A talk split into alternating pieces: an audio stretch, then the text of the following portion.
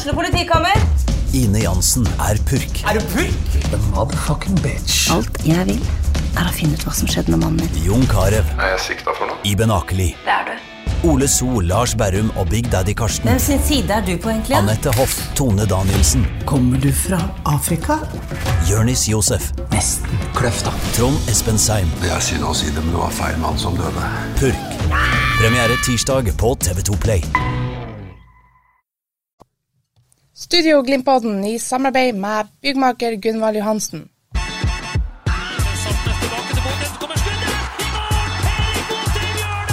It's more difficult for us than for Bodo boys.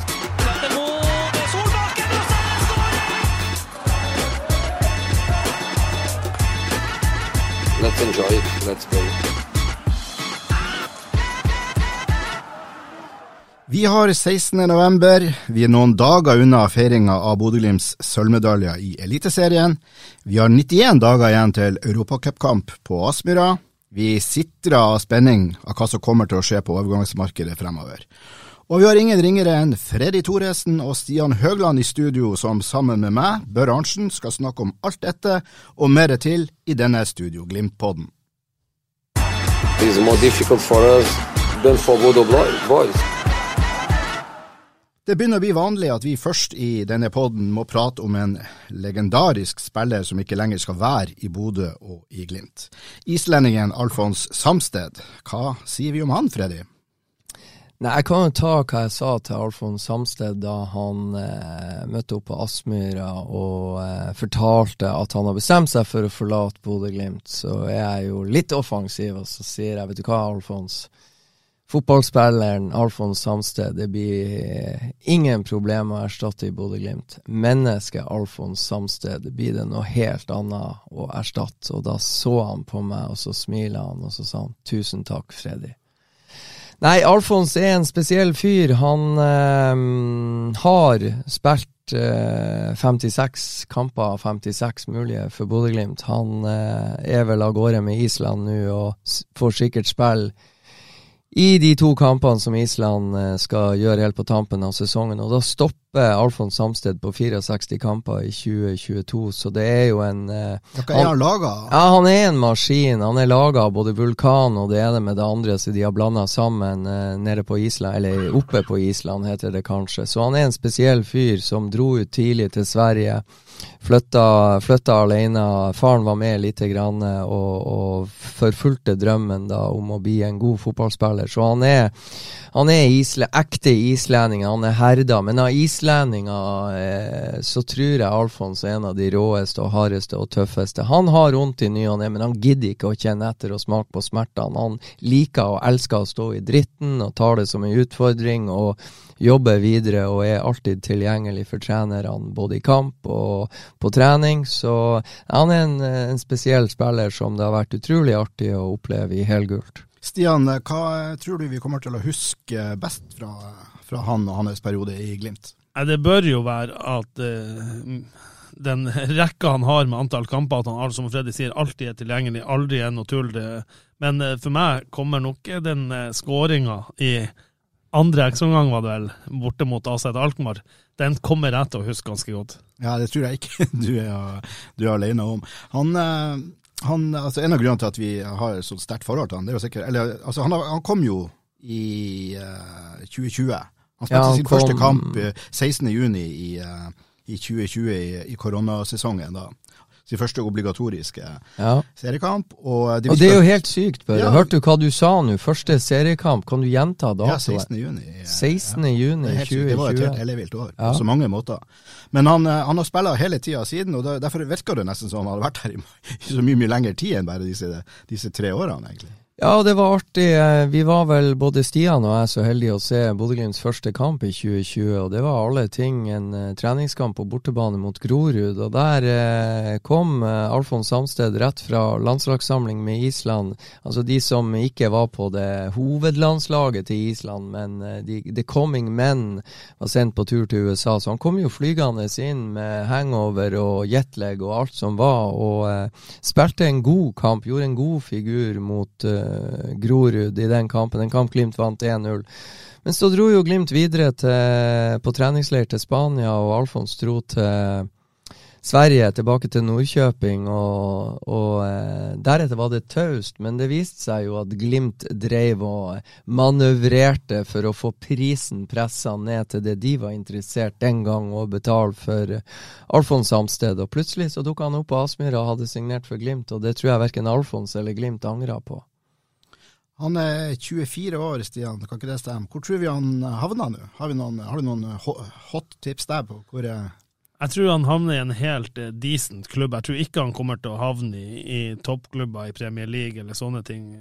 Tar jeg sikkert feil der òg, men, men, men, jeg tipper han havner i sånn um, toppsjikt, kanskje Belgia, Nederland, uh, middelsjikt andre, bondes, andre Bundesliga, eksempel, eller midten Bundesliga. Det er men det blir veldig veldig spennende, for Alfons har jo ingen sånn ekstremkvaliteter utover det at han alltid er tilgjengelig. Altså Han er, han er ikke sinnssykt rask, han er ikke sinnssykt eh, eh god offensiv, han er ikke sinnssykt god defensiv, men han er, han er jevnt over god på, på, på, det aller, aller meste. Og det han er skikkelig god til, syns jeg, det er jo det at han alltid, alltid, alltid er klar. Og eh, har dere lyst til å høre hva eh, Jeg satt jo i de sene nattetimer med Alfons Samsted på et hotell eh, i Oslo, eller på Gardermoen, nå på søndag, og, og vi snakka jo Vi ble både intervju, og vi prata, og vi tok oss et glass vann. Tok oss faktisk to glass vann. Og uh, lillebror uh, Dagur satt og hørte på når vi prata. Vi oppsummerte jo den reisa, for han huska også det første intervjuet med AN i garderoben på Aspmyr. Han var veldig stolt og huska hva han sa, hvilke svar han ga oss. Men Kjetil Knutsen hadde kommet bort her nå på siste del av sesong, på tampen av sesongen og, og uh, sagt til Alfons hva det var Kjetil hadde lagt merke til sånn i etterkant av evalueringa av den første kampen med Grorud, eh, eller mot Grorud. Og det Kjetil hadde lagt merke til med Alfons, var For Stian har helt rett, han er jo ikke en blendende fotballspiller, men så er det noen kvaliteter som er litt sånn mystisk å få tak i. Det Kjetil hadde oppdaga, var at Alfons gjorde de rundt seg veldig gode. Det er en egenskap i seg sjøl som er steike interessant, og det er jo kanskje Alfons største og beste egenskap som fotballspiller. At han gir Han, han, han er med og bidrar til at venstre eh, stopperen innafor seg er god. Han er med og bidrar til at høyre indreløper er god, at sentralen på midtbanen er god. Rett og slett at lagkameratene er gode. Og det er en egenskap som jeg ikke tror det er så lett å oppdage for noen, men eh, jeg velger å tro på at Kjetil Knutsen sin eh, eh, Ja, sin eh, sitt eh, påstand der er sånn høvelig riktig. Så veldig spennende å høre. Og, og, og, jeg er enig med Stian, det er jo veldig artig med en sånn spiller at det vi, det vi kan huske, er jo den der eh, Han er en sånn spiller som faktisk kan dukke opp på overtid mot Aset Alkmaar og skåre ett av sine få mål. For Bodø-Glimt, eh, andre var vel hjemme mot Lillestrøm i serien bl.a. i år. Men, men, det å dukke opp på den måten der på et løp, for det er langt ute i kampen, og en høyreback skal være sliten, han sprunget mye. Selvfølgelig er det han som kommer på pasninga fra Hugo Vetlesen og utligner til 2-2. Det er jo latterlig deilig. Men Freddy, må, det var vel ikke i andre ekstraomgang, det var vel kanskje på slutten av første ekstraomgang dette skjedde. For vi må vel si hva han sa i den pausen imellom ekstraomgangene. For da snakka han vel, var det med Hugo, tror jeg? Ja, nå er jeg, sier Hugo åh, begynner å bli sliten. Nei, det er jo bare gøy. Føler meg helt fin, jeg. det er Alfons Avsted. Ja, det er jo lystløgner som faen. Men, eh, og det er typisk Alfons. Og jeg lever veldig godt med at det var i første ekstraomgang, for det var like artig. Men han er jo en eh, som vi kan kalle for en veldig sånn typisk Glimt-back. Han, eh, han, gjør en god jobb defensivt, og så er han uhyre villig til å komme og være med på det offensive. Vi så jo det samme på motsatt side med Fredrik André, og han forlot jo klubben har jo ikke fått lov til å bruke de egenskapene der han har kommet, iallfall ikke sånn som jeg har fått med meg. Så det er jo litt avgjørende for Samsted kanskje å komme til en, en klubb som har, ikke så langt unna Eller som iallfall setter pris på like offensiv, offensivitet på backblad som, som Kjetil gjør. Ja, også det interessante Vi satt jo og hadde oss en lang prat. Jeg prøvde jo å pushe han på, på klubbvalg. Og det som er eh, enkelt og greit, eh, Alfons har ikke bestemt seg. Han skal nå begynne å sette seg ned og vurdere de mulighetene som ligger på bordet. Og det skal han gjøre sammen med samme agent som han hadde når han dro til Bodø-Glimt. En svenske som Alfons stoler veldig godt på. Og denne svensken ga han et utrolig godt råd når han ivrer etter å få Alfons ut fra IFK Nordkjøping og til Bodø-Glimt. Det tror jeg både agenten og Alfons er superfornøyd med det valget. Og han har en del uh, alternativer. Jeg konfronterte han med Blir du skremt av, av, av uh, virkeligheten som de som forlater Bodø-Glimt uh, opplever når de reiser ut i den store verden? Og jeg snakker om Håkon Evjen, vi snakker om uh, Philip Sinkernagel, vi snakker om Jens Petter Hauge, Fredrik André Bjørkan osv. osv. Og ja, Alfons har full kontroll på og har snakka med en del av de her guttene om hva de har opplevd, og, og har det i mente. Men så, så sier han det at det, det er så spennende nå. Nå skal jeg ut av komfortsona og, og ha et nytt eventyr.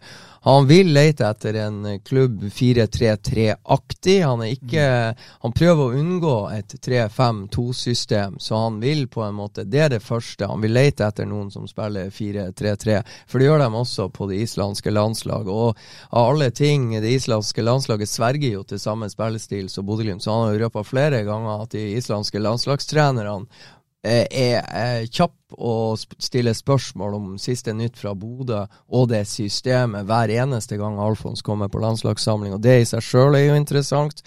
Men han uh, har klare tanker og klare visjoner om hva han leter etter. Og så, når jeg pusher han enda mer på det her, hva hvis du ende opp som de andre Glimt-spillerne, altså på benken og, og, den slags. Sånn kan jeg ikke tenke, Freddy. Jeg tenker at jeg skal inn og spille, og jeg skal inn og spille godt, og jeg skal gripe sjansen når jeg får den. Men jeg må være veldig, veldig nøye med selve klubbvalget som, som jeg til slutt må ta. Husker vi hvor mye Glimt uh, måtte betale for å få Alfons til Bodø?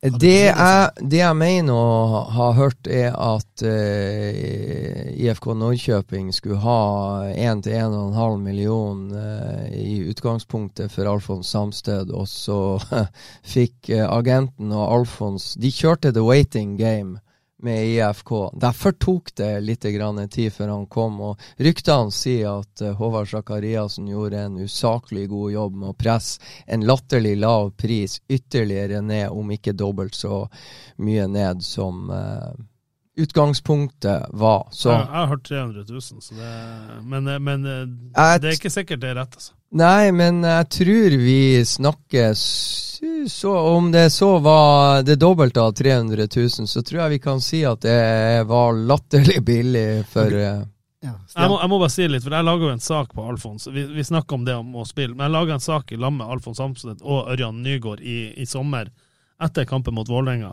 Eh, og da, det, det, er ikke helt reell sammenligning, men det er å spille kamp eh, hvis, Altså antall kamper, for det regnes jo De, de fleste spiller jo eh, høst-vår.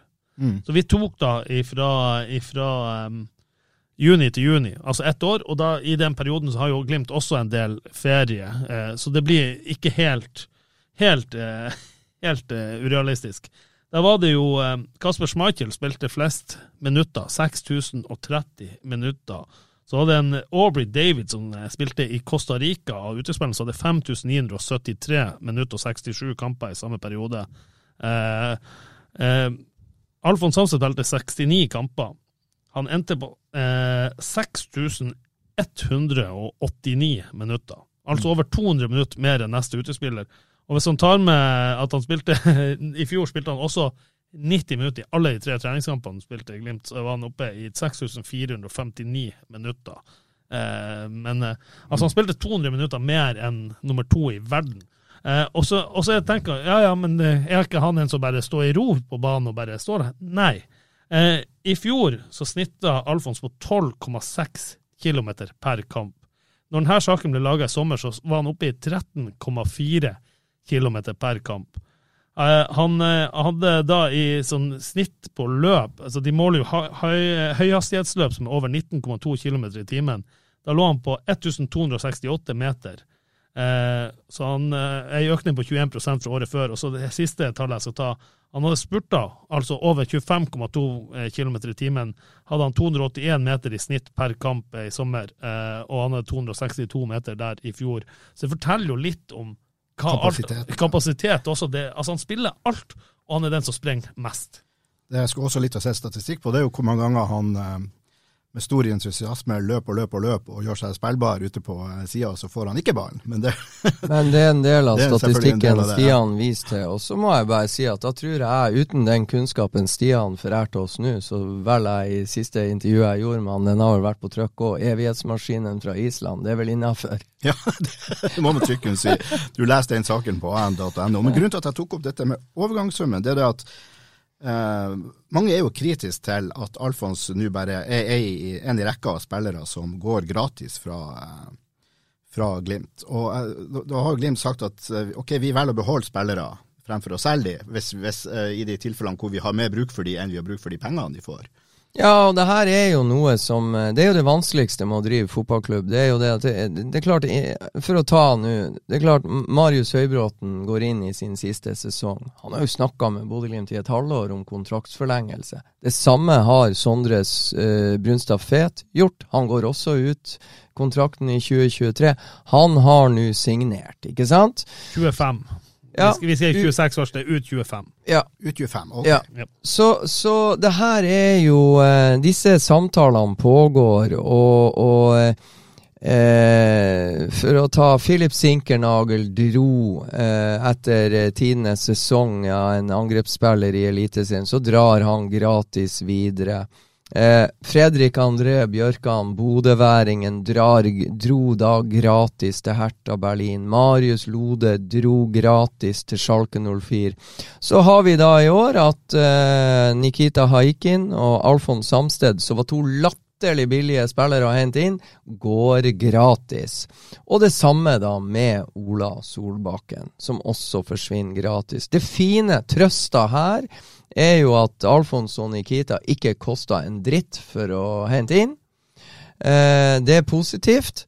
Eh, og så er det en islending og en russer som eh, Eller en med Nikita har jo massevis av pasta, både russisk og engelsk og, og israelsk, tror jeg kanskje også han har. Så, så Men det er utrolig vanskelig. Og nå blir det interessant å følge da hva som skjer med Hugo Vetlesen. Om han går ut 2023, for så å forsvinne gratis, eller at det kommer et bud og, og, og Glimt velger å selge. Men disse vurderingene må gjøres frem og tilbake og i det hele tatt. Det finnes lojale spillere, det finnes illojale spillere, og man kan synes hva man vil. Og så kommer vi tilbake til en av de mest forhatte. Det er jo Kasper Junker som tvinger seg vekk. Og jeg minner om han Det ble 25 millioner i kassa til Bodø-Glimt. Så, så ikke sant eh, ja, det, det, er mange veier opp og frem, og uh, hver enkelt historie lever sitt eget liv. Jeg vet jo om, om, Glimt noensinne i løpet av disse årene Alfons var her, om Glimt hadde fått noe tilbud på han? Jeg har, ikke, jeg har ikke hørt at de har fått store tilbud. Uh, det var jo tilfellet på et par av de andre vi nevnte. Det hadde, det hadde kommet inn tilbud på Fredrik André, f.eks. Altså, ja, ja. og, og det, det, Glimt har sagt til meg før, det at de kunne ha solgt alle. Altså, det, det er interesse for alle, men så er det liksom fra interesse til bud er lang, langt. Sånn som Lasse Nordås skåra et par mål i, i, fjor, de kunne ha solgt ham for 8-10 millioner. Eh, allerede etter et par kamper. Men, men som Freddy sier her, sant, i forhold til det å forlenge kontraktene til folk og man, Ja, man skulle gjerne ønske at man hadde lengre kontrakter på folk, men, men det er jo det der ikke sant, Når du henter en, en Nemanja Mladenovic, så gir du han tre-fire år? For tre. Tre, ikke sant? Eh, du har jo like stor trua på han som du hadde på en Alfons Hamset, som du hadde på en Philip Sinkernagel. Mm. Altså, du har jo kjempetro på at dette blir den nye spilleren. Du tror jo ikke at du henter katta i sekken. Eh, ja, kanskje burde de gi alle femårskontrakter, at de går for det, men da sitter du jo også der med skjegget fullt av postkasser hvis, hvis, hvis, hvis, du, hvis du har kjøpt katta i sekken. For da har du plutselig fire år igjen med en fyr som, som, som du ikke har bruk for. Så, så det, er jo, det, er jo, det, er jo, give and take her. Gutta, vi skal prate mer om overganger og spillere hit og dit uh, etter hvert, men nå skifter vi tema. It's more difficult for us than for Bodo Boys.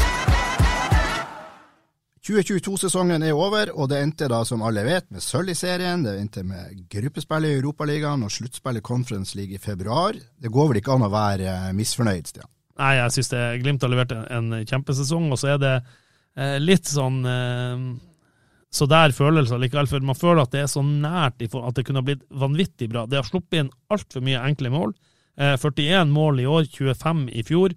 Det, det, det, man skjønner jo hvor skoene trykker, for man har jo levert offensivt. så Det, det er kun Bodø-Glimt 2020 som skåra flere mål enn en eh, det Bodø-Glimt 2022 har gjort. Selv med store spissproblemet som vi har snakka om i, ja. i, store deler av sesongen. Eh, Nå syns jeg spissene begynner å vise at de er på gang. men eh, men, men, Glimt har levert en kjempesesong, og så kunne det ha blitt veldig mye bedre også. Men, men samtidig så skal vi, skal vi, være såpass ydmyke at det Molde har holdt på med i år, har vært eh, virkelig virkelig imponerende. Tre poeng unna Glimts rekordsesong fra 2020. Men eh, Molde har jo ikke akkurat gjort det like bra i Europa.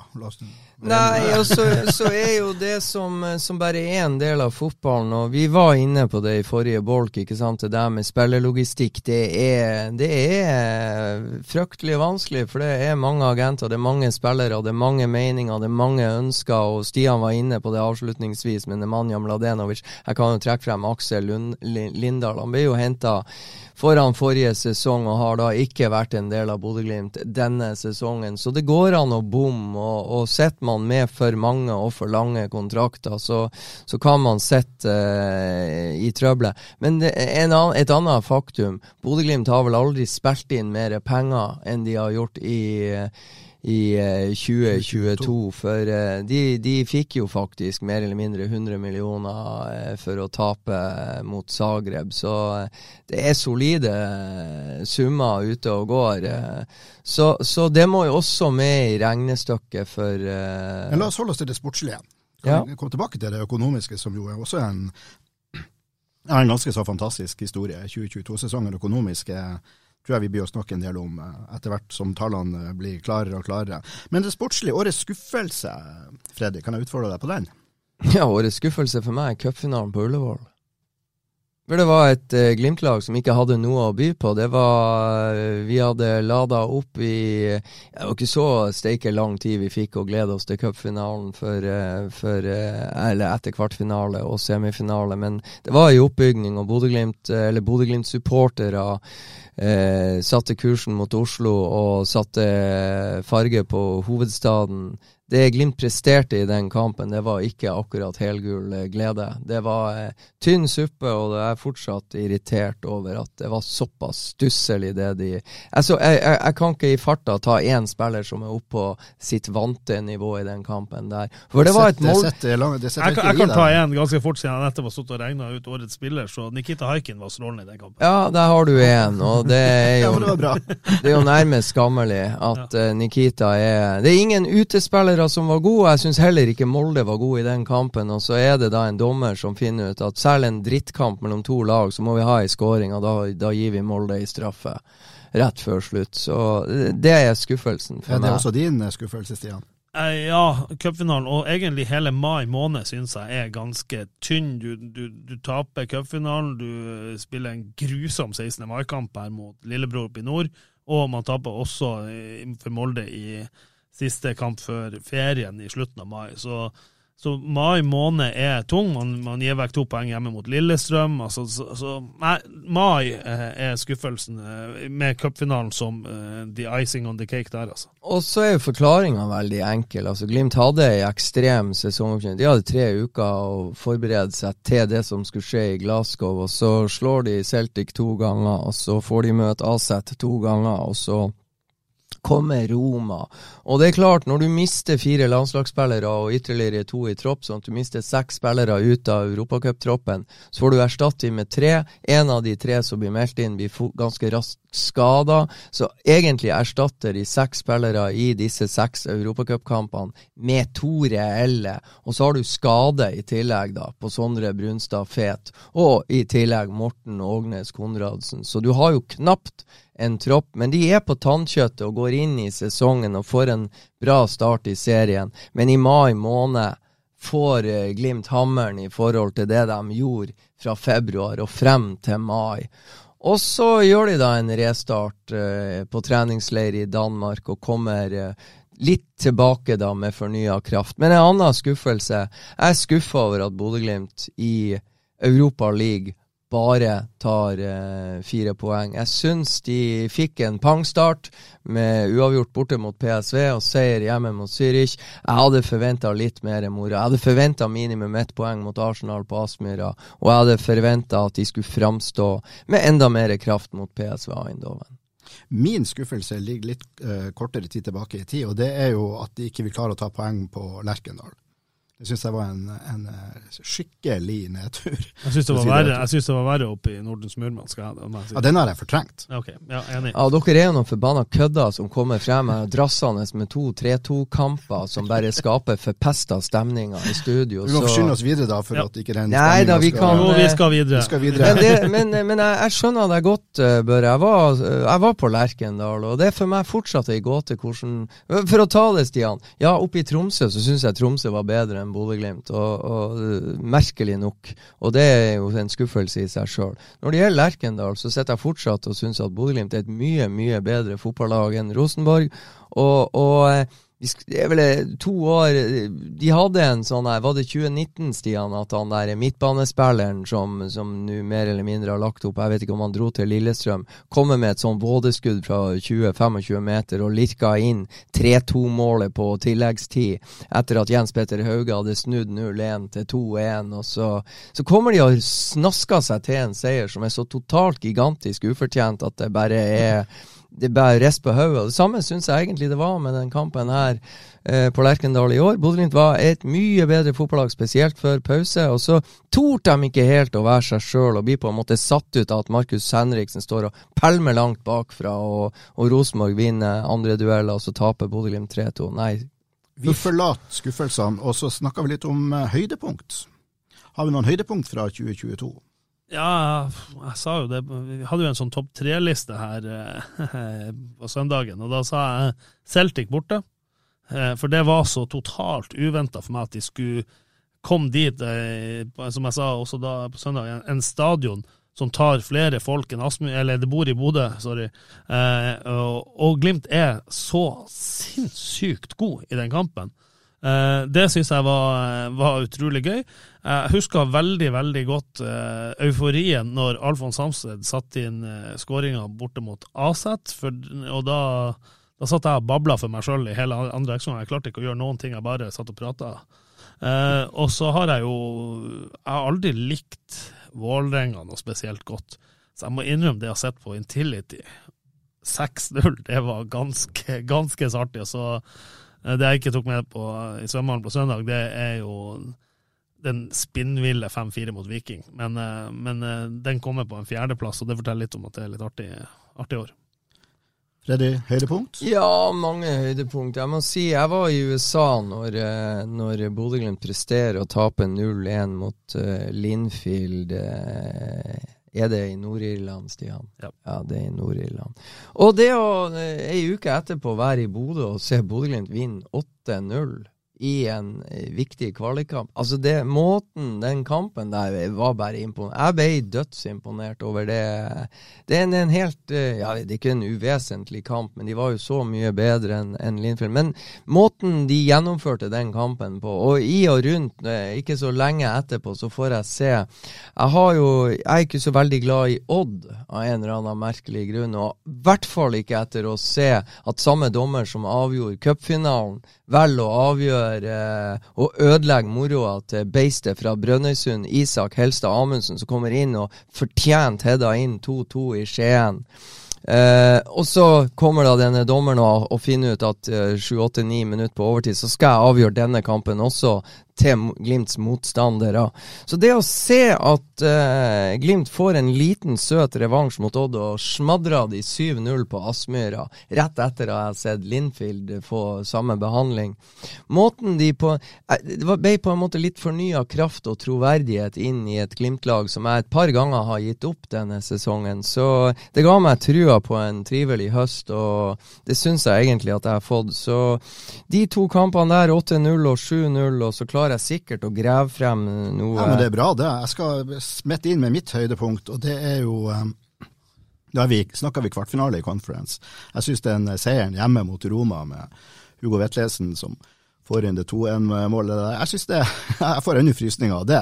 Det må jeg ærlig rønne, synes jeg det var mitt eh, personlige høydepunkt for eh, jeg har, jeg har vel sagt at en av de store skuffelsene også i en eller annen anledning, for å ta det, en av de store skuffelsene for meg i 2022 er faktisk det som skjer i timene etter at Hugo Vetlesen setter inn 2-1-målet mot Roma på Aspmyra. For det, det gjestene fra Italia bedriver og, og, og, og setter i stand og, får eh, Glimt-folk til å klikke i, i eh, spillerslusa på Aspmyra. Det, det, er for meg den aller, aller største skuffelsen med 2022. Og Glimt som klubb håndterte det der ganske dårlig, og, og lot seg på en måte plage eh, mye av det der i etterkant, og hvor mye dette ødela for Bodø-Glimt i 2022, skulle jeg gjerne ha likt å visst et åpent og ærlig svar på, men jeg tror det ødela mer enn vi er klar over.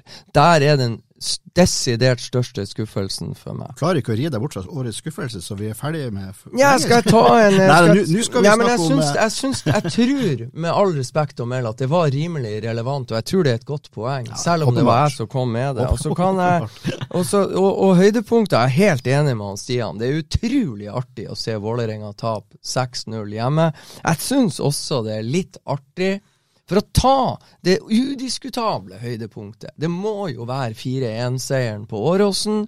Runar Espejord setter inn 2-1-målet i en delikat offside-posisjon som alle snakker om. Og så er det ingen som tenker på at Akur Adams var i offside da han stanga Lillestrøm i ledelsen 1-1 i seriekampen som ufortjent endte 1-1, en tid i forkant av at Runar Espejord fikk lov. Og Jeg syns òg det er artig at det er Tore Hansen som dømmer kampen og ikke ser offsiden sammen med sitt team. Han hadde ingen heldig hånd når Viking fikk besøk av, Bodø-Glimt Glimt enda litt tidligere i sesongen. Om, eh, det er mye å fryde seg over her. ja, det er det. Uh, absolutt. Vi skal, vi, her i Studio Glimt-podden skal vi komme tilbake til uh, dommere, og vi skal også snakke om VAR og sånt, men det blir mer i sånn 2023. Oi! Men årets overraskelse da, Stian? Overraskelsen uh, Ja, den jeg burde ha lest det manuset ditt, bare, for det, det Du gjør leksa di. Ja, jeg burde det. Nei, altså Skyt eh, fra hofta. Overraskelsen, den, den, det er også litt skuffelse, det er at de har sluppet inn så mye enkle mål. For Bodø-Glimt har vært ganske så solid defensivt eh, lenge. Så det, det skuffa meg litt eh, at de har sluppet inn såpass mye mål, og det overraska meg også. Og så, så, må jeg jo si at eh, ja, en stor overraskelse er at Patrick Berg spiller i Bodø-Glimt. Det så jeg overhodet ikke for meg kunne, kunne skje. Uh, av spillere som liksom Det er mange som har levert en, en bra sesong, men er, jeg er liksom ikke overraska over noen. Uh, at Isak Helse Amundsen kom inn og spilte fantastisk i en periode i sommer, det overrasker meg ikke, for jeg vet at han er veldig god. At han skulle være så god som han var hjemme mot, uh, mot Dinamo, Dina, Zagreb, det, hadde jeg ikke, det hadde jeg ikke sett for meg. Så, og nå når jeg har sittet og regna børsen, så har det også overraska at de har gitt ut to tiere på AN-børsen i år. Det er ikke så ofte vi har gjort. Har du noen overraskelser, eller skal du hoppe tilbake til skuffelses... Nei, den, den eh, desidert største overraskelsen er jo at uh, ryktene plutselig begynner å gå, og vi får det bekrefta at Patrick Berg, som på søndag sitter og ser Standard Liège, og vi tror han skal dit, finner ut at jeg skal ikke til Standard Liège, jeg skal tilbake til Bodø-Glimt. Det er en desidert største overraskelsen. Og andre store overraskelsen er at de graver så dypt i lommeboka at de før det henta Albert Grønbæk. Det er på en måte litt sånn utenom kampspillerrelatert, uh, selv om Altså at Glimt uh, satser som de gjør, det var uh, voldsomt overraska med to uh, spenn, meget interessante signeringer på de tidspunktene de kom. Spillemessig, jeg er overraska over at Hugo Vetlesen faktisk skårer 16 seriemål. Jeg hadde forventa at han skulle skåre mye og skinne mye og, og være god i år, men at, at han skulle klare å, å, eh, få så mye sluttprodukt både i form av eh, skåringer, assist og indirekte assist, det, det, overrasker meg. Jeg er også overraska over at en Pelle, Amahl Pellegrino på 80 eh, av egen kapasitet og form og kraft at han i Glimt-systemet er så god at han skårer 25 mål på en sesong han egentlig har plagdes eh, hele veien.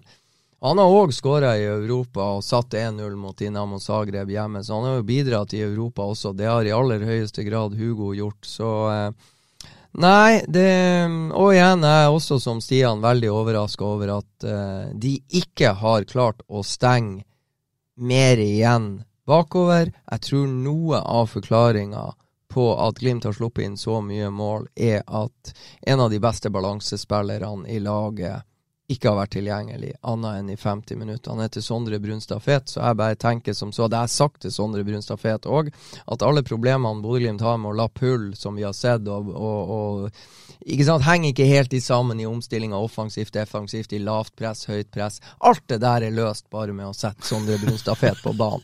Men hvordan løst Hvor i all verden skal du gjøre plass til de 16 målene til Hugo Vetlesen, da? Det er akkurat det, Stian! Det er ikke mitt problem. Det må geniet Kjetil Knutsen og hans trenerteam finner ut av. Jeg bare sier løsninga på det der defensive greia, det er bare å sette inn Sondre Brunstafet. Hvor dere plasserer han, det er ikke mitt problem. Studio Glimpodden i samarbeid med byggmaker Gunvald Johansen. Sartnes tilbake til Bodø, så kommer skuddet! I mål! Erik Botheim gjør det! Da skal vi snakke litt eh, mer si, om spillerstallen og hva som bør skje på overgangsmarkedet. Og først, eh, den stallen som Glimt har nå, også etter at Ola Solbakken og Nikita Aikin og Alfred Samsted er historie, det er ikke akkurat noe dårlig utgangspunkt. Nei, overhodet ikke. Det, Glimt har, har, en veldig veldig spennende spillerstall. Og, og, som Freddy den siste vi sa før den lille breaken, det er jo Sondre Bnussa Fet. Det er jo en nysignering som kommer eh, for fullt, forhåpentligvis allerede fra 3. januar. Så eh, det ser spennende ut. Og så må de nå få tak i en venstre back. Ja, og jeg har eh, mer å tillegge. Eh, her er jeg, jeg, driver og krysser ut litt her, eh, for her er en del spørsmålstegn eh, ute og eh, går i eh, Glimt-troppen. Altså, Gilbert Komson har kontrakt i 2023. Og Glimt må finne For altså, det, det bør og det må ei lita opprenskning til, tror jeg, i troppen. Men skal vi ta de fire som er på utland? Gilbert er uenig? Nei, men Eller hadde du en annen plan? Vent litt. Det, det, er noe med et, et, et lite resonnement her. For at, at stallen er stor. Og det som jeg har snakka med en del spillere, og Kjetil Knutsen har signalisert at Glimt skal finne tilbake til krafta og intensiteten i eget spill i 2023. Og de er ekstremt revansjesugne. Og Stian har vært på en del av de samme pressekonferansene.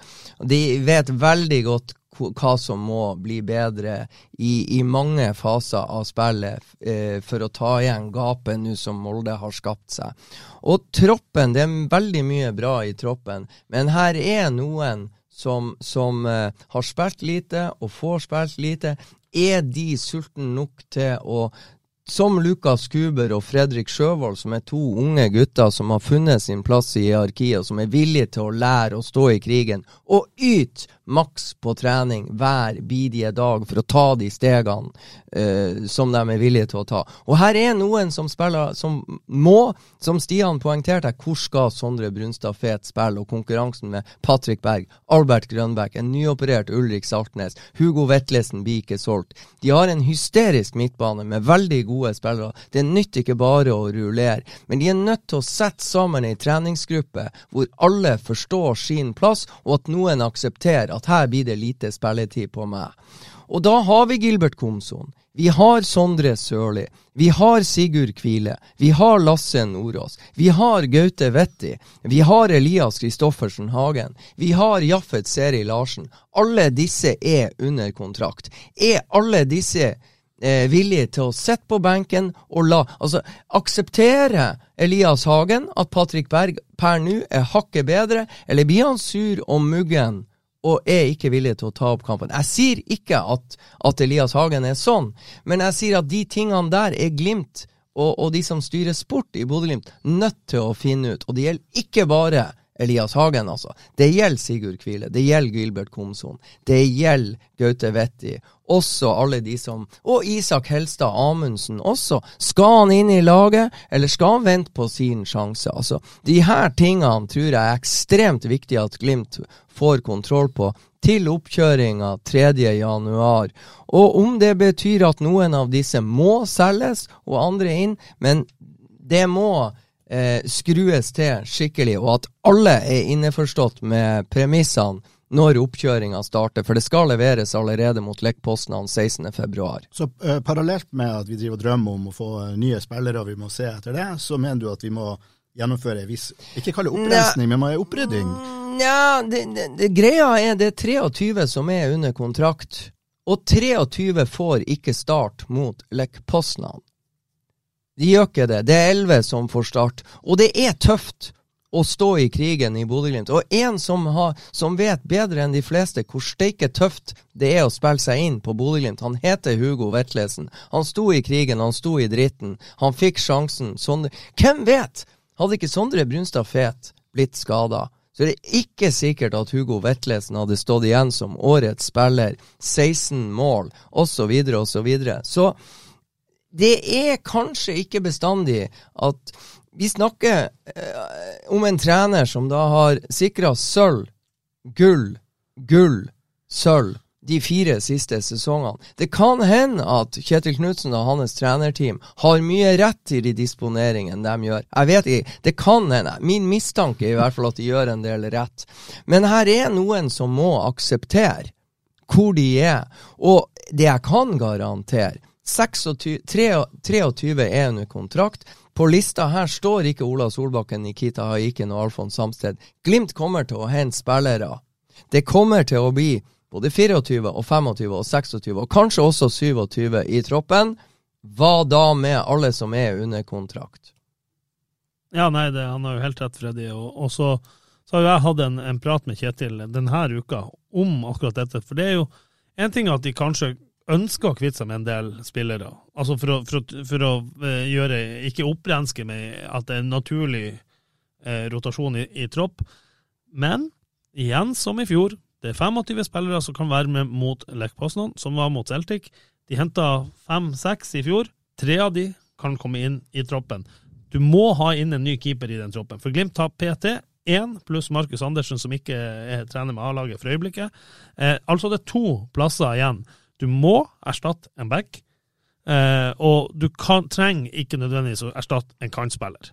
For du har Nino Sugelli og sånn. Men dette kan jo gjøre at du ikke kan kvitte deg med en Elias Hagen før du er utslått i Europa.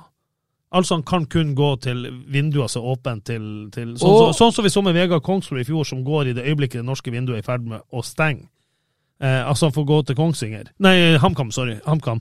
Eh, altså, så, så du, Kjetil sier han håper ærlig talt at det ikke blir flere enn de som er nevnt. Og du nevnte ikke Anders Hågnes Konradsen, som har lagt opp.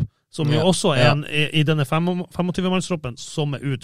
Og i den troppen står ikke Gilbert Komson, ikke Sigurd Kvile, ikke de guttene som har vært på lån. De er ikke med der. Uh, og, og det, det, også, det, gjør også at det er folk der som vil inn i den troppen. Så det er ikke bare Og det kan også ha noe å si for et eventuelt salg av Hugo Vetlesen. For Nå er han suspendert i første kamp mot Lech Poznan, men Ulrik Saltnes er ute i den kampen. Med, skal, eller med, med opera, operasjon. I, operasjon. Så, så, så, det er liksom Ting henger sammen. Så det er ikke nødvendigvis at Hugo får gå i vinter, selv om kanskje vi tror det, og at det blir å komme ut. Ja, og så er det kjempeinteressant det som kommer frem her, for det, det, forteller også at Glimt har tid til å gjøre de vurderingene, til å ha disse samtalene, til å se spillerne hvordan de eh, angriper første treningsuke i Bodø, hvordan de angriper en treukers treningsleir i Spania, hvordan de responderer på god feedback, manglende feedback, knallhard feedback. Så Glimt har jo tid til å gå igjennom alt dette som jeg problematiserte etter at eh, kampene mot Lekposten er spilt, og inn mot at eh, overgangsvinduet før seriestart eh, closer. Så har de neppe lyst til å selge så mange internt i Norge. Jeg tror de håper altså sånn, Hugo skal selvfølgelig ikke til norsk klubb. Hvis han drar, så drar han ut jeg tror ikke de har lyst til å møte Elias Hagen i, for Rosenborg i første serierunde til neste år, f.eks. Ja. Altså, altså, så i utgangspunktet så er det jo sånn Glimt vil jo være det springbrettet at, du, at du selger ut av landet. i utgangspunktet. Og det vinduet, ja, det stenger 1.2. ca. Sånn er det. Så nei, det, så jeg tror det er steike mye interessant. Og, og, men for å ta det du begynte med, Børre. Så det er klart, eh, det er en del brikker som er på plass. Eh, en del brikker som ser uhyre spennende ut. Og eh, de har fire-fem gode midtstoppere, det er vi vel enige om. De har Vi ser vel konturene av en midtbane som det kan svinge litt av. og jeg forventer mye av eh, Jeg forventer mye i, nu, fra nå av og frem til 3. januar av Fredrik Sjøvold, av uh, Joel Mbuka, av Lukas Kuber. Når de får på en måte mentalt Eh, litt pause fra hardkjøret, at de kommer med fornyet kraft på trening i, i, Og det er alltid det er alltid en eller annen unggutt Når vi står og ser første treningsuka, så står vi og klør oss i hodet. Jesus Christ, hva har han eller, hva har han spist, og hva har han gjort? Og, ja. Siden ikke jeg har lest manus, kan ikke vi gjøre en artig øvelse nå? Ta ut laget som skal starte mot Lech Poznan. Jeg tror det blir Julian Faye Lund, Bris Wembangomo, Brede Mo, Marius Lode, Fredrik André Bjørkan. Eh, Albert Grøn, eller Sondre Brunstad Fet, Patrick Berg, Albert Grønbæk, Nino Sugell, Runar Espejord, Amahl Pellegrino. Det er mitt tips. Du har allerede en gigantisk overgang eh, i boks her, skjønner jeg? Ja, det er, mitt, det er min, min, følelse at det, det, kan skje. Det er ingen som eh, vil bekrefte eller si noe. Men Kjetil bekrefter i dette intervjuet som kommer, at Glimt er interessert i Fredrik og Bjørkan. og jeg, Personlig så ville jeg nå ha sagt at det er en mye større nyhet hvis uh, han har sagt at vi er ikke interessert i Fredrik og Bjørkan. Det er sant. Ja, men da kom tidenes avsløring fra ja. Stian Høgland her! det hadde jo vært uh, ganske fantastisk, det, da. Men uh, jeg skal vente litt med å slippe Nei, men jeg, jubelen løs. Jeg syns det er herlig med Kan du gjenta laget? For du, du, du stilte et spørsmål, og så fyra du ja, ut laget her. Ja, ja, ja. nå Faye i mål. Ja. ja. Bris. Bris, ja. Brede Marius. Brede Marius. Og, og det var Lode, var ja, det? var Lode. Og så Fab. Ja. ja. Fet. Fet.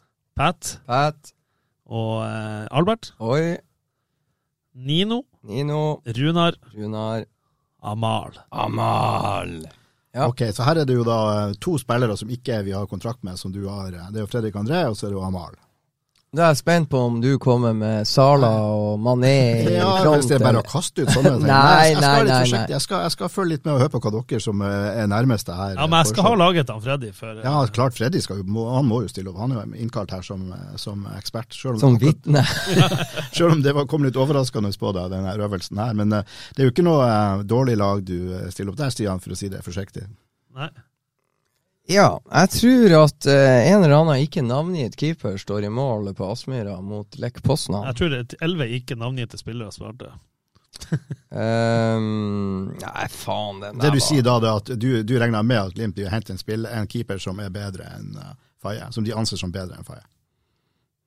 Jeg tror at, uh, jeg tror at han, Stian mer eller mindre kan garantere at det blir fet Pat Albert på midtbanen hvis ikke de får uh, skader i oppkjøringa. For, uh, for uh, Hugo står over med karantene, og Ulrik er operert, nyoperert. Jeg tror Ja. Jeg syns Brede og Marius gjorde mye bra nå mot Strømsgodset, så jeg ser ikke bort ifra at det blir de.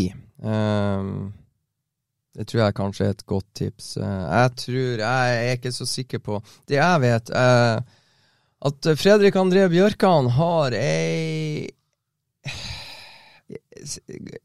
relativt høy lønn i, uh, i um, Hertha Berlin. Jeg er ikke i tvil om at uh, Bodø-Glimt ønsker Fredrik André Bjørkan. Jeg ser ikke bort fra at Fredrik sjøl også er litt uh, lysten på å komme tilbake. Men jeg tror det som kan ødelegge, er at lønna hans i Hertha Berlin er så høy at det at det dukker opp klubber som Feyenoord, som er villige til å på en måte leie Fredrik på de premissene, og så svarer de på den avgjørelsen med å bruke han fra start i én kamp borte mot Go Ahead Eagles. Etter det har han ikke vært på banen Feyenoord, for Feyenoord.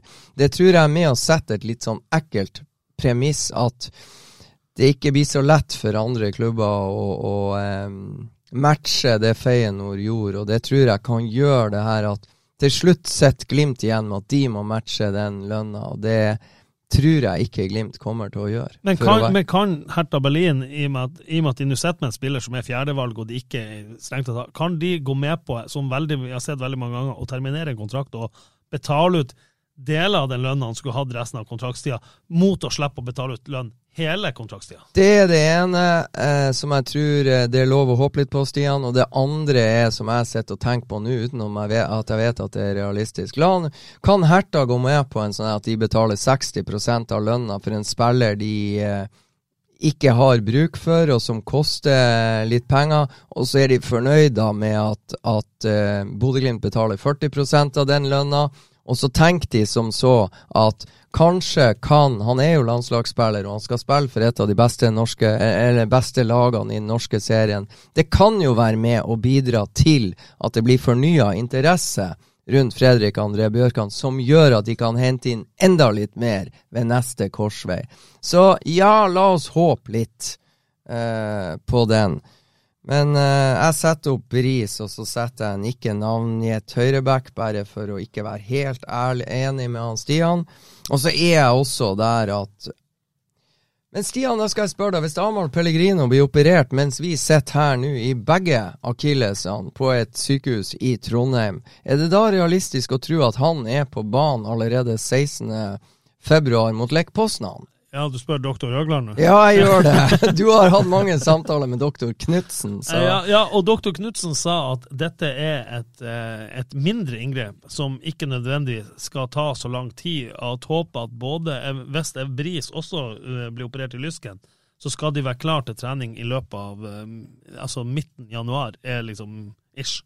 Bra. Og da fikk vi konferert med doktor Høgland, og jeg har konferert med doktor Brede Mo, som har vært igjennom de samme akillesoperasjonene som Amahl Pellegrino. Men han sa også at eh, han sjøl var igjennom en litt større prosedyre enn det han har forstått at Amahl eventuelt skal igjennom. Så får vi håpe at operasjonen i Trond At Glimt står klar når Amahl våkner opp fra narkosen i Trondheim, så står Glimt klar. Legen sier her, du bare signer her på at operasjonen gikk greit. Det var en ny toårskontrakt med Bodø-Glimt. Det hadde jo vært litt fiffig. det hadde vært litt fiffig, ja. Sikkert helt riktig. Nei, eh, Nino Sugelli er jo en eh, spennende fyr som det også blir utrolig interessant å følge når han kommer tilbake fra, eh, fra ferie hjemme i Slovenia. Eh, hvordan han kommer tilbake med litt sånn men, ny mental kraft, uh, har fått absorbert uh, livet litt i Norge og treningen osv. osv. Men enn så lenge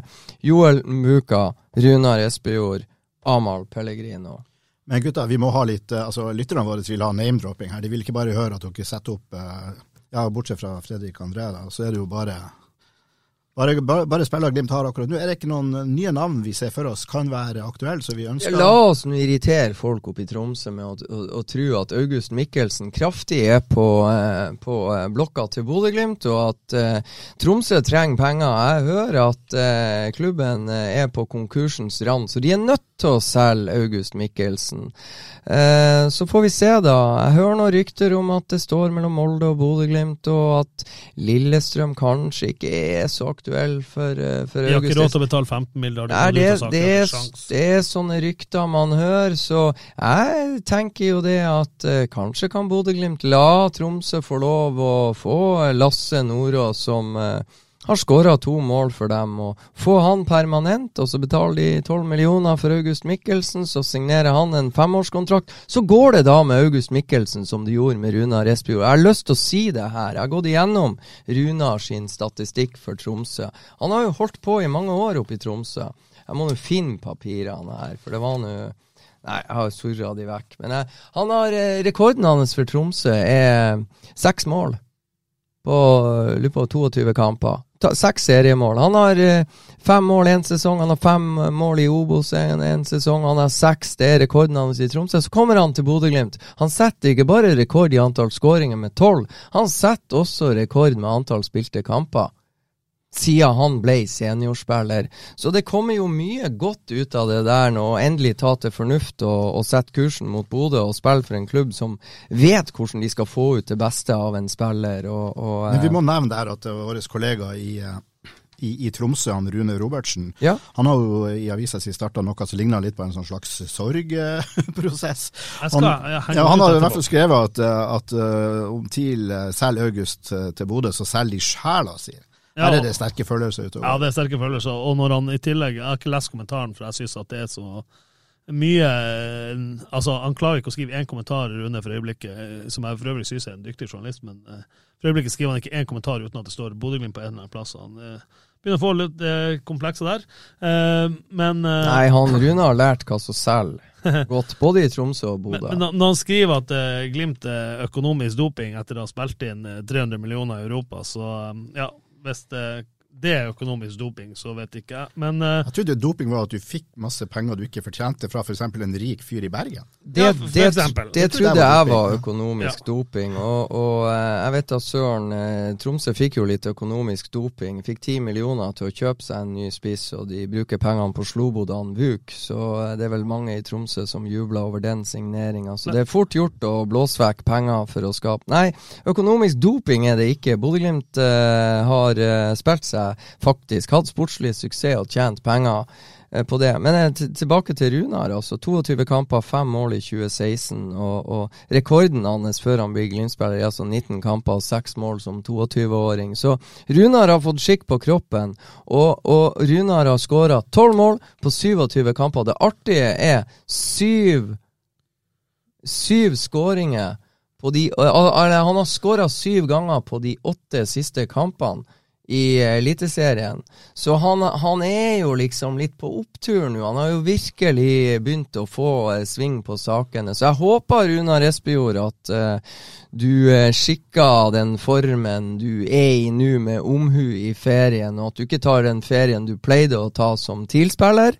At du tar den ferien du skal ta som Glimt-spiller. At du er mye i aktivitet, at du trener, at du følger treningsprogrammet som Ørjan Nygaard, Sølvgutten, har satt opp. Og jeg, jeg må si, sorry vi, vi, må fortsette. Freddy og jeg var jo, hadde en middag med, med Rune Robertsen og Øyvind Sivertsen, i, i hans kollega da, på den tida i, i, Tromsø, i Spania, i, februar. Ja. Eh, og da hadde vi et lite veddemål. Hvor mange mål Runar Espejord kom til å skåre for Glimt i år. Og det var jo i år, ikke i serien, men i år. Og da eh, Freddy hadde 13 mål. Eh, Øyvind Sivertsen hadde 7. Eh, jeg hadde 14. Og Rune Robertsen, eh, dette er ordrett. Skår, jeg tror han skårer ett mål, men jeg vil at det skal stå at det er ikke med vilje. Det er, med, det er et flaksemål, at det er noen som skyter ballen i han, og ballen går i mål. Så han hadde overhodet ikke trua på Runar Espejord. Og jeg vil jo si Runar Espejord eh, etter hvert har, som du sier, Freddy, tallene hans på slutten av sesongen er veldig, veldig bra. Og han ender vel opp med, med ca. 20, tror jeg, med alle turneringer. Det syns jeg, jeg absolutt. Jeg, Stian, jeg teller bare de tolv i serien pluss det første mot Celtic, og så stopper jeg på 13.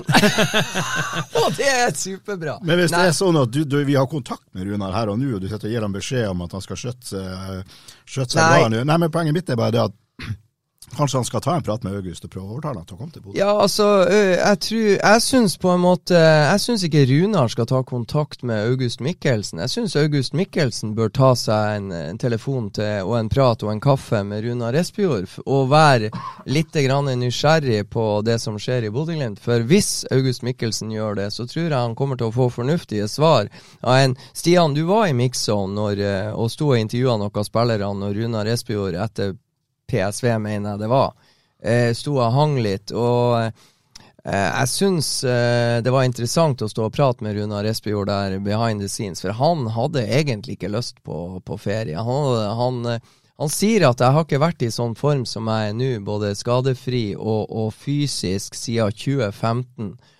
Uh, og han har egentlig bare lyst til å, å, å komme i gang uh, med oppkjøringa. Så jeg håper det her blir en liten sånn syretest, da. Runar eh, er annerledes, men nå kan han bevise at han har vokst også mentalt på å være i, i Bodø med disse guttene som spiller i, og, og han eh, snakka med i Glimt-garderoben. Så jeg tror Runar kommer tilbake i toppform 3. januar. Og eh, mest sannsynlig så har han også med seg sin gode venn eh, August Mikkelsen. Jeg tror August Mikkelsen går til utlandet, men jeg håper du har rett. Nei, så det er nå én spiller. Men la oss, er det andre navn som eh, svirrer rundt i, eh, i verden du, Ja, altså det, jeg tror det er sannsynlig at uh, Bodø-Glimt har ved flere anledninger scouta den uh, sidebacken på 20 år fra Varbergs som uh, berga. André Boman eller Bormann eller et eller annet. Treneren, treneren vet vel om interessen fra Bodø-Glimt, så han spår jo at denne Bormann blir landslagsspiller for Sverige for å jazze opp prisen, bare fordi at han vet at Bodø-Glimt er interessert. Men det er ikke godt å si, Stian. Vi var nå og møtte en, en dansk eh, Adam Sørensen eh, på treningsleir i Spania i fjor, og det var nå en danske som ikke torde å eh, gå til Bodø-Glimt når klubbene begynte å nærme seg, for han syntes spranget var for stort osv. Det var så vidt han torde å gå bort og prate med Åsmund Bjørkan når. Og, og han tok det til og med på engelsk, så Ja, ja, ja. Ok. Så, så eh, Nei, jeg, men jeg, jeg sitter med en feeling at Bodø-Glimt er kommet lengre med et par ting, et par caser, eh, enn vi er klar over. Så jeg, jeg sitter med en sånn feeling at det kan, det kan skje ting ganske fort. Jeg vet ikke, Stian, hva du tror om Leopold Hvalstedt i Odd, som har vært nevnt. Det er jo ingen tvil om at Bodø-Glimt har hatt han på lista si og sett han og fulgt han, men jeg vet, jeg vet ikke hva, hva prisene blir så videre. Han tror jeg forsvinner fra Odd, men jeg tror han forsvinner til utlandet. Den keeperen som jeg har eh, fikk, begynte å snakke med noen her i helga, og noen andre i går, ikke i Glimt-systemet, eh, altså sånn eh, supportere og litt sånn eh, Altså fikk jeg en sånn feeling når de nevnte et navn, hvem de tror Bodø-Glimt henter som eh, ekstra keeper, eller en- den andre keeperen, da. Egil Selvik. Tatt ut i landslagstroppen for første gang nå. Glimt ville ha han fort for til Haugesund, har vært veldig god for Haugesund. Eh, at det kan være mannen Bodø-Glimt går for. For vi vet jo at Jonas Kolstad synes at det er et veldig veldig spennende eh, eh, keeperevne. Så mitt, min spådom på keeperplass er Egil Selvik. Kan jeg få lov da bare å komme ut med en konspirasjonsteori? Har vi lov vi. til det? Er ikke det veldig artig i USA? La oss leke at vi er i USA. Jeg var jo på dette hotellet, eh, som Tone-hotellet, som landslagsspillerne sjekka inn på. Så kommer jeg på hotellet, så drar jeg og Jonas Kolstad på bensinstasjon. Jeg kjøper to yoghurt. Og Jonas kjøpte seg en tyggis og litt sånn, ikke noen store saker. Så vandrer vi tilbake, og så går Jonas eh, inn på rommet sitt. Jeg sitter og venter på disse landslagsheltene som er å feire med en burger på McDonald's. Hvem er det som sjekker inn på samme hotell? Egil Selvik kommer seilende med en buss fra Sandefjord, går inn i samme retning. Jeg vet ikke, det er mange hotellrom der, men, men de var på hotellet begge to, så hvem vet hva de prata om? Hvem vet? Ja, og det, ingen av de kom ned når eh, Glimt sine landslagsspillere kom og satte seg i resepsjon, og vi prata litt fotball. Eh, Ja, det var en bra konspirasjonsteori. Der slapp du løs din, eh, din indre Trump. Der var, ja, fikk du litt- ja, ja, ja. Men godt, eh, godt poeng. Jeg vet ikke, Stian, har du noe trua på at årets keeper i Sverige kan havne tilbake i Bodø-Glimt? Nei, jeg tror ikke det. Jeg Nei. tror ikke Ricardo blir henta tilbake. til. Bodø-Glimt. Men, men jeg vet ikke hvorfor. Eh, Jeg trodde jo at Ricardo hadde en nedadgående karrierekurve i det hele tatt. Jeg åpna Twitter noen timer etterpå så han var kåret til årets keeper i Sverige, så så mye følger jeg med. Men jeg tror ikke Ricardo kommer tilbake til Glimt. Selv om jeg ikke hadde noe imot å få en så fantastisk fyr tilbake. Men det vi hører rykter om, det er jo det at de ser etter høyrebacker, de ser etter venstrebacker, og de ser også etter eh, kantspillere, og det er jo, har jo sikkert litt med usikkerhetsmoment mot, med Amahl Pellegrino, som fortsatt ikke har uh, forlenga med Bodø-Glimt, og da har de, og de, hvis de mister, ikke sant, eh, både Amahl og Ola, så står de med Nino Sugelli og Sørli og Gilbert og eh, Mbuka. Der tror jeg de kommer til å eh, eh, gjøre noe. Eh, så, så kantspillere, sidebacker. Og så blir det interessant å se Jeg tror keeper, selvfølgelig. Og så blir det interessant om de på reiser de har hatt eh, i dette spillemarkedet fra altså, La oss si hele 2022. La oss si alle overgangsvinduene. For det er jo ingen tvil om at de jobber med saker i første overgangsvindu som kanskje blir en realitet i dette. Så jeg blir ikke overraska. De overraska med Lukas Kuber og Nino Sugell. De så ikke jeg kom da de ble klar for Bodø-Glimt. Men eh, det kan jo hende de har en liten spiss i ermet, og jeg vet ikke. Jeg, jeg holdt på nå å fortsette å selge inn det intervjuet med Kjetil Knutsen, så jeg laga det verdens lengste intervju som kommer i Glimt-laget torsdag. Uh, blir det bra? Blir det bra? Uh, ja, det er noe jeg som skrev. Avslør litt, men ikke alt. Nei, helt ok. Helt ok intervju. Det kommer også på an.no. Det gjør det. Uh, men der spør jeg jo Kjetil direkte hva, hvilke posisjoner er det dere ser for dere at dere må forsterke. Og det, Freddy har jo egentlig sagt til alle, men keeper skal de selvfølgelig ha. Backer leter de voldsomt etter. Det kan komme en kantspiller. Og det kunne kanskje også komme en midtbanespiller, var det, det de posisjonene Kjetil nevner. Og det, det, det, tror jeg avhenger litt av en, hva finner du ut når de opererer Ulrik Saltnes? Finner du ut at dette er en tremånedersskade? Finner du ut at det er en nimånedersskade? Der er det stor forskjell. Eh, to, eh, kom, hvilke bud kommer på Hugo Vetlesen? For at det ikke skal komme noe bud på Hugo Vetlesen i, i vinter, ser jeg på som utopi.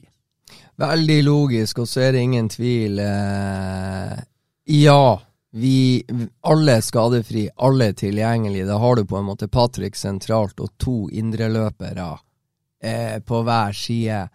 Eh, de må ha flere. Og så er utfordringa da til Elias Hagen og Gaute Vetti og, og også unge Fredrik Sjøvold ja, at deres beste posisjon i utgangspunktet er sentralen. Og der står da Patrick Berg og sperrer egentlig for alle fire. For felles for eh, alle de fire vi nevnte, eh, Elias, Gaute, Fredrik og, og eh, Ask, er at det der tempoet det er vel rappheta i steget og tempoet og høglit er det vel bare Fredrik Sjøvold som har, som kanskje kan takle det, en omskoleringa på en bra måte. Så, så det, jeg skjønner at de har en indreløpertype i sikte, som Stian sier her, med, med usikkerheten rundt Hugo. Kommer det et bud som det ikke går an å si nei til? Det dukka opp et sånt bud rett før, før jul i fjor på Erik Botheim, som jeg tror ingen forventa skulle komme første, andre, tredje desember. Det dukka plutselig opp sånn der. This is too good to be true. Vi er jo bare nødt til å selge. Dette må realiseres for vår del og for spillers del. Det kan skje med Hugo, og som Sian sier, eh, Ulrik Saltnes er 30 år. og det, han kommer til å komme tilbake, Ulrik Saltnes, med bravur. Men hvor lang tid tar det?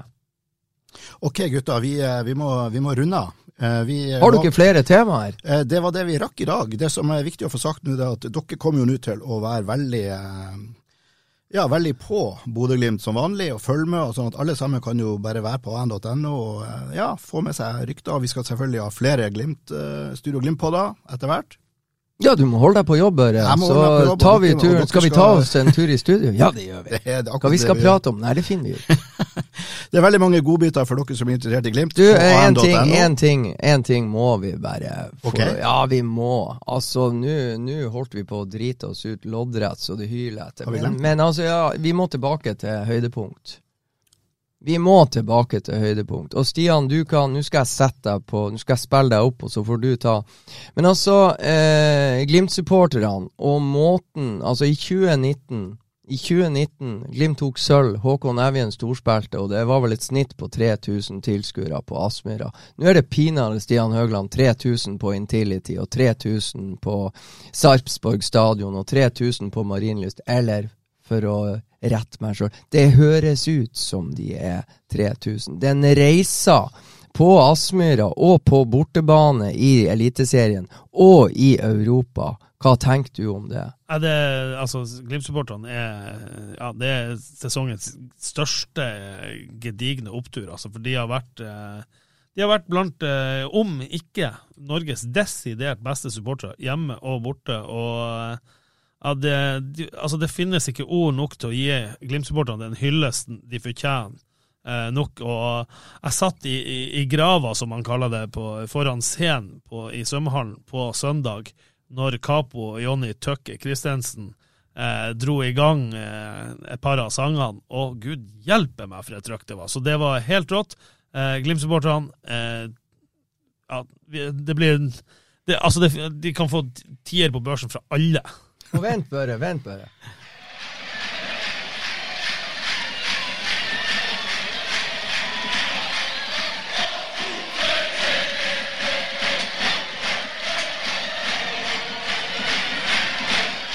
Det, det, det her, Børre, det, det, er altså en mobilvideo fra presseplass på Marienlyst eh, ei god stund eh, etter kampslutt. Og, og bortefeltet var jo helt fullt, 1000 stykker. Så, så jeg må si det er, måten, det er måten de jobber under kampen. Det er som Stian sier, Johnny Tuck han er jo han er så, Det er, det er pinadø så tøft å se på måten han driver i gang på hjemmebane, på bortebane, og hvordan alle blir med. Og på en måte på Aspmyra, når, når eh, barndomsminnet fra nord kommer, og alle står med, med gule skjerf. Uh, det er mektig på Aspmyra. Men du verden, det, jeg fikk se det samme med 1000 Glimt-supportere på eh, tribunen i Drammen. For de kuppa jo eh, systemet til hjemme. De begynner bare å synger sjøl som en del av oppbygginga til at lagene skal komme på banen. Så tar de og gjør det samme på Marienlyst. Og det er, det er, frekt, det er tøft, det er vakkert. Så eh, jeg måtte bare børre. Veldig bra. Jeg synes Det var, eh, det ville vært en skandale om vi ikke hadde tatt med litt om supporterne i denne sendinga. Du berga oss der, eh, Freddy. Eh, tusen takk for det. Vi er veldig glad for hver enkelt av dere som hører på oss. Takk til dere, og takk til deg, Freddy Thoresen, og til deg, Stian Høgland, og takk for meg, Børre Arntzen. Studio Glimpodden i samarbeid med byggmaker Gunvald Johansen.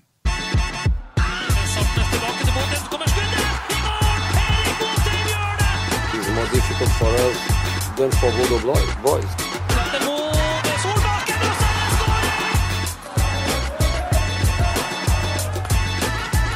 Let's enjoy it. Let's go.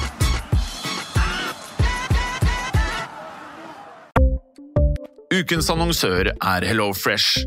HelloFresh er verdens ledende matkasseleverandør og kan være redningen i en travel hverdag. Mange av oss har nok vandret i butikken både sultne og uten en plan for middagen, som ender med at vi går for de samme kjedelige rettene gang på gang. Middag burde være dagens høydepunkt. Som Hello Fresh kan du nå velge mellom 25 ulike retter hver eneste uke, eller få Hello Fresh til å sette sammen menyen for deg. Dette gir deg muligheten til å prøve nye og spennende retter alene eller sammen med familien. Du velger antall porsjoner og får alt levert på døren på et tidspunkt som passer for deg. Oppskriftene er enkle, og maten er lett å lage både for store og for små. Ved å få alt levert hjem får du også mer tid til å dele matgleden med familie og venner. Kanskje det frister med asiatiske tacos eller greskinspirert kylling? Da kan jeg anbefale deg om å gå inn på hellofresh.no. Her kan du bruke koden FOTBALL og få opptil 1779 kroner i rabatt på de første fem matkastene hvis du ikke har prøvd Hello Fresh tidligere. Du kan også bruke rabatten hvis du har vært kunde og stoppet abonnementet ditt for tolv måneder siden eller lengre. Gå inn på hellofresh.no og bruk koden FOTBALL. Har du et enkeltpersonforetak eller en liten bedrift? Da er du sikkert lei av å høre meg snakke om hvor enkelt det er med kvitteringer og bilag i fiken, så vi eh, gir oss her, vi. Fordi vi liker enkelt. Fiken superenkelt regnskap.